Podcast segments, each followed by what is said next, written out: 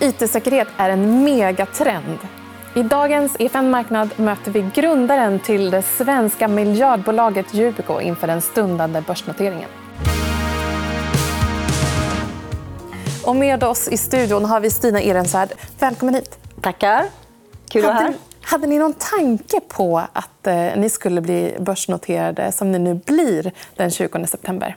Ja, förr eller senare så var väl det en av många planer. Eh, och nu är vi redo. Så här 16 år senare så är vi ett cybersäkerhetsbolag som förra året omsatte 1,6 miljarder och hade 250 miljoner i vinst. Vi har 30 av världens Fortune 500-bolag säkrar vi med den här lilla produkten som heter YubiKey. Det är en, litet, man ser det som ett USB, en liten USB-sticka som du kan lägga mot telefonen eller stoppa in i datorn för att säkra access till datorer, mobilappar, olika typer av IT-tjänster och är ett alternativ till eh, de inte så säkra lösenorden. Och det här känner vi alla till. Men jag tänker 2007, kunde man verkligen se den här potentialen redan då? Ja, jag hade förmånen att vara gift med en cybersäkerhetsexpert som när vi började dejta så byggde han säkerhetssystemet till Forsmarks kärnkraftverk som då baserades på smarta kort. Och, eh, några månader senare så får jag en mjukvara av min tjänst, för som jag ska, eh, eller av min bank för, ska, som ska då säkra mig för min inloggning till min bank. Och min man säger att det tar honom ett dygn att skriva den koden som skulle kunna tömma mitt konto. Ja, det är otroligt. Att ha den, det samtalet ja, vi Precis. Och jag är då, då är jag bara industridesigner, men jag blir extremt intresserad av cybersäkerhet. Eh, och så får jag fråga varför använder inte alla smart cards? Och då säger Jakob, ja för det är alldeles för krångligt. Det var inte designade för webben. Det funkar inte överallt. Man måste ha en läsare. Och sen så börjar vi tillsammans att ta den här traditionella smart card-tekniken stoppa det som är fint och bra och fungerar i den här lilla nyckeln och sen göra det riktigt enkelt. Och för att det verkligen ska funka, då måste vi åka till Kalifornien. Mm. Google blir vår första kund. Och tillsammans med dem... Varför var det viktigt? Därför att vi behövde få stöd för tekniken och vi behövde bygga in den i alla ledande plattformar och webbläsare. Så det var tre bolag som stod på min önskelista. Jag hade en ganska liten affärsplan. Det stod så här, jag ska vinna Google, Microsoft och Apple. Och, ja, det är ju, det är ju och ganska... när onboardade ni dem som kunder?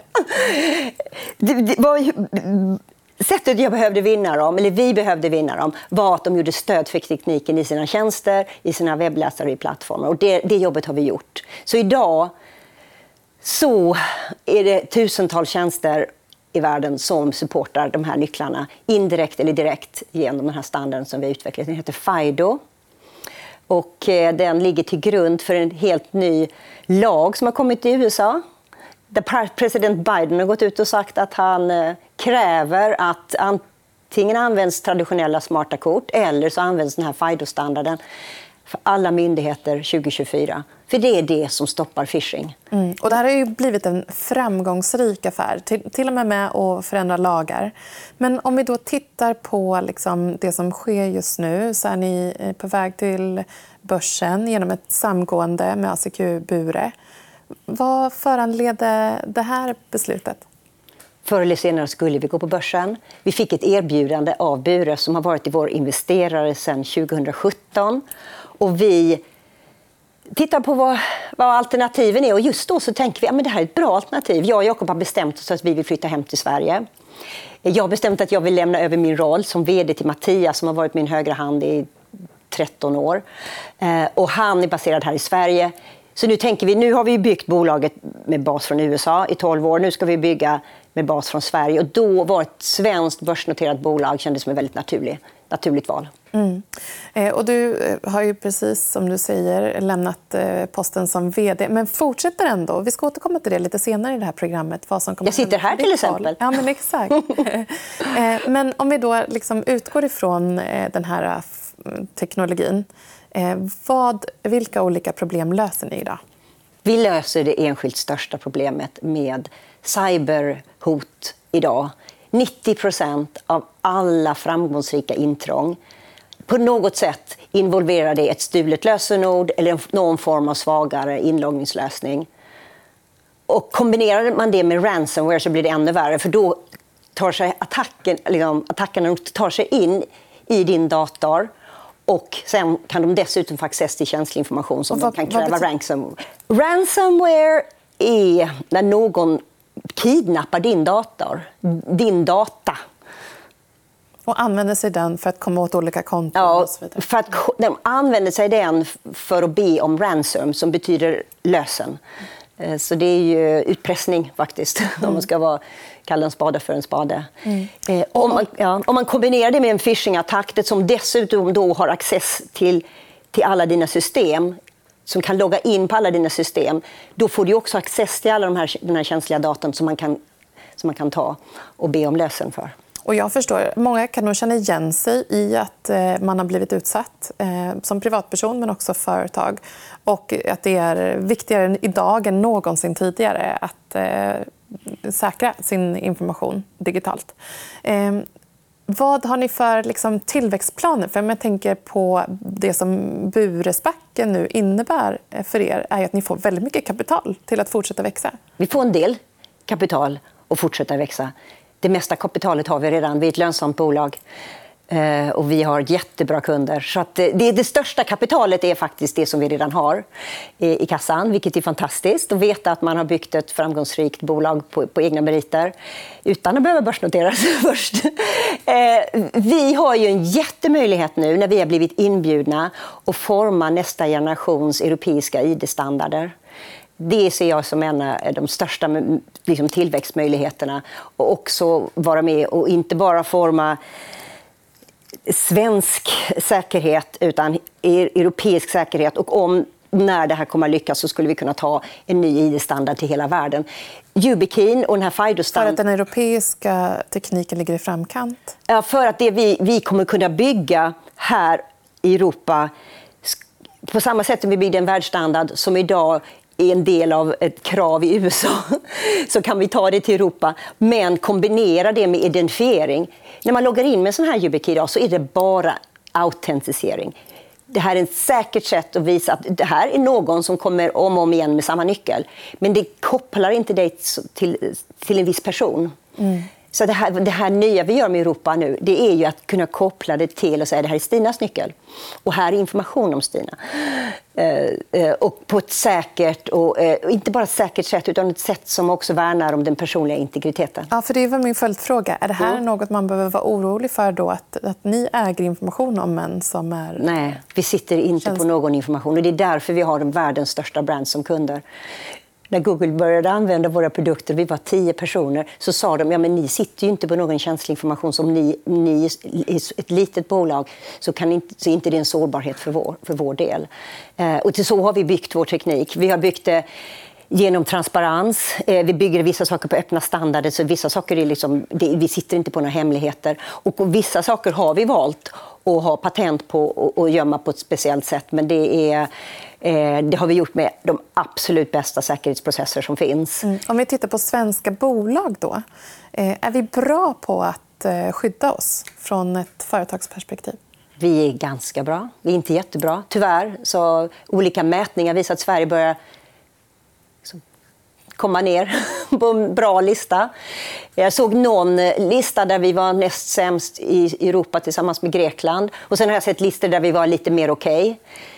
De stora bolagen och de stora eh, bankerna skulle jag nog säga har okej okay, alltså, säkerhet. Men eh, den offentliga sektorn är faktiskt riktigt dålig här i Sverige. Mm. Men om man då eh, tänker ett börsnoterat bolag, eh, till exempel. Många av dem kanske är stora. Eh, det finns några mindre också. Vad ska de tänka på för att skydda sig? Använd inte lösenord. Använd någon form av extra, två, alltså, fakt, någon form av extra faktor. Det kallas för two-factor authentication eller tvåfaktorsautentisering.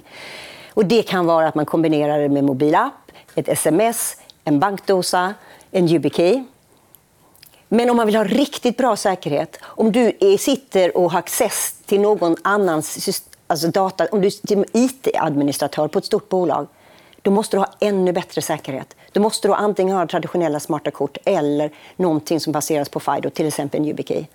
Eh, er amerikanska etablering har med största säkerhet bidragit till er värdering. Eh, nu inför affären med ACQ Bure så värderades ni till 8,3 miljarder eh, kronor. Hur kändes det? Det har varit en lång och jättespännande resa att komma dit och jag är jättehedrad eh, och glad och eh, har massor liksom, energi inför framtiden. Vi, vi har byggt ett fantastiskt team. Vi är 420 personer i bolaget. Och jag, min man och eh, Mattias som har liksom varit med och tagit väldigt mycket av det tidiga arbetet. Eh, att vi står här idag är, är jätteroligt. Men det, det, det, vi tycker faktiskt är ännu roligare det är att inte bara att vi har byggt en, en produkt och ett bolag som har hög värdering och tjänar pengar. Men vi är med nu och formar nästa generation säkra internet. Vi har också... Kan man förvänta sig en etablering i Sverige i större utsträckning? Kommer ni anställa här? Absolut. Vi anställer hela tiden löpande. Vi, eh, vi kommer att ha mycket närmare samarbete nu med svenska myndigheter och svenska banker och, än vad vi haft tidigare. Vi har, vi har en liten andel av vår, vår, våra intäkter från Sverige. Eh, och vi kommer också framför allt jobba med europeiska aktörer. För Sverige är ju en del av EU och mycket av det vi gör kring standarder kommer inte bara göras i Sverige utan göras på ett större plan. Vilken är den största marknaden idag? Eh, USA är vår största marknad. Vi har 75% av våra kunder i USA. Vi har eh, alla de stora techbolagen och flera av de största bankerna i USA är våra kunder. Hur skulle potential, potentialen vara i Kina eller i Asien? Vi eh, har ingen, inget samarbete med Kina idag. Mm. Och vi avser inte ha det på, på en nära framtid. Mm. För de har en annan uppfattning kring den personliga integriteten och säkerhet än det vi, vi arbetar utifrån. Mm. Så att, eh, vi har, däremot har vi kunder i eh, Indien och Australien. Och vi har 160 länder som vi... Och Indien är ju en ja. stor marknad. Absolut. Vi har 160 länder, och de flesta i Europa och Nordamerika. Du sitter ju kvar i styrelsen också ja. om, eh, om processen går som det är tänkt. Eh, och därmed eh, så äger du och din man över 10% av bolaget. Mm. Kommer det fortsätta vara en heltidssysselsättning för dig framåt?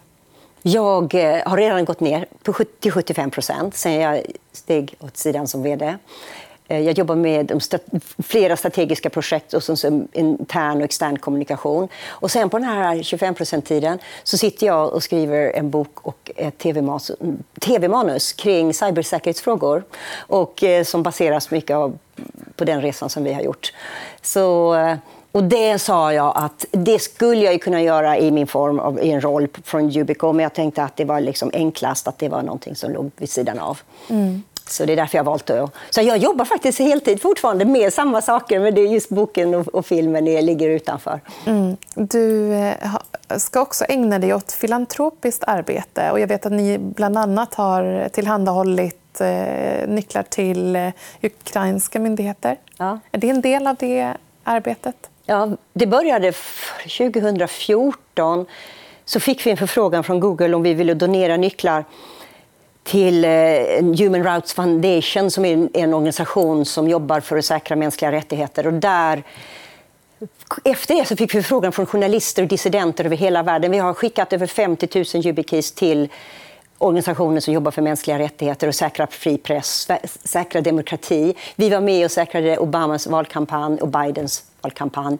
Eh, I början av kriget i Ukraina, precis några veckor efter de hade blivit invaderade, fick vi en förfrågan från Ukraina om vi kunde donera YubiKeys till dem. Och vi har nu donerat över 30 000 YubiKeys och vi vet att det har gjort, det har gjort skillnad. De fick eh, 30 gånger så mycket phishing-attacker och försökte lamslå stora, viktiga in, alltså infrastruktur, energi, el, vattenverk. Liksom. Och där, där har vi skickat ut. Och nu har vi även skickat ut till militära insatser. Mm. Och det känns väldigt bra. Så de, de, de, vad ska vi kalla de här volontära eller eh, behjärtansvärda eh, ambitionerna som Yubico har haft och som har varit en del av Yubicos arbete.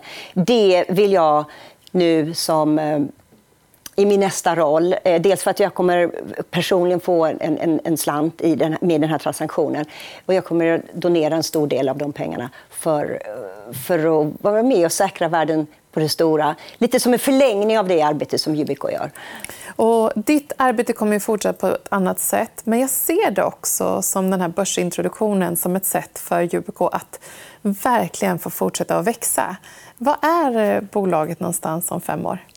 Då har vi varit med och minskat låt säga 80% av alla cyberattacker med vår teknik, med den här standarden, med den utbildning vi gör, nya tjänster som vi har utvecklat, nya standarder, den här nya europeiska standarden. 450 miljoner europeer sitter och kan snabbt och enkelt och säkert logga in till alla sina tjänster. Och flera av dem använder vår teknik. Vår teknik kommer att vara en av flera liksom, möjligheter, men det är en av dem. Och vi kommer att eh, den här filmen som jag har gjort. Och som har släppts då. Och har släppts då. Det här är en så himla rolig historia. Jag blev kontaktad av en Hollywoodproducent för några år sedan som sa att han hade blivit hackad. Och han tyckte att vi i cybersäkerhetsvärlden att vi var så dåliga på storytelling. Mm. För så här, jag, han då som privatperson, nu hade han ju ett manus och sånt där som kom på, på drift, så det var ju delvis hans jobb, men, men det var fram, hans privata Gmail som, som blev utsatt. Säger, det är så tekniskt, det är så otydligt. Kan inte, kan inte ni i, i, liksom i cybersäkerhetsvärlden göra någonting som som får oss att bli engagerade. Så jag började brainstorma med honom om en tv-serie, en filmserie kring cybersäkerhet som ska vara till alla. Utan, eh, alltså man behöver inte vara teknisk för att förstå det. Och det är mycket humor. Det är den jag sitter och jobbar på just nu. Mm. Men Stina, när kommer filmen? Eh, det är lite för tidigt att säga. Det är ju massor saker som ska få på plats. Man ska signa med sin stjärnskådespelerska. Man ska... Um... Det gäller inte att släppa det samtidigt som en annan stor hit heller. Eh, nej, precis. Så, det är en ganska ambitiöst material. Som jag ser det nu så är det tre långfilmer eller sex eh, tv-serier. Eh, och sen den sista, då är det intervjuer med, med coola människor som var med på den här resan. Eh, och jag hoppas få en intervju med Obama också. Mm. Så det inte måste man ju passa in att han, hans schema. Liksom. Ja, men exakt. Ja, vi ser fram emot den när den kommer. i alla fall. Tack så jättemycket för att du var med i dagens program. Vi är tillbaka som vanligt om ett par dagar. så Missa inte vårt kommande EFN-marknad. In och följ oss på vår Youtube-kanal. Kommentera vad du tror kommer hända med noteringen. Ha det gott. Du har lyssnat på EFN Marknad, en podd som produceras av EFN Ekonomikanalen. Du hittar programmet även i videoformat på Youtube och på efn.se. Kom ihåg att prenumerera på podden och följ oss gärna på Instagram för fler aktietips. Där heter vi EFN Aktiekoll. Ansvarig utgivare är Anna Fagerström.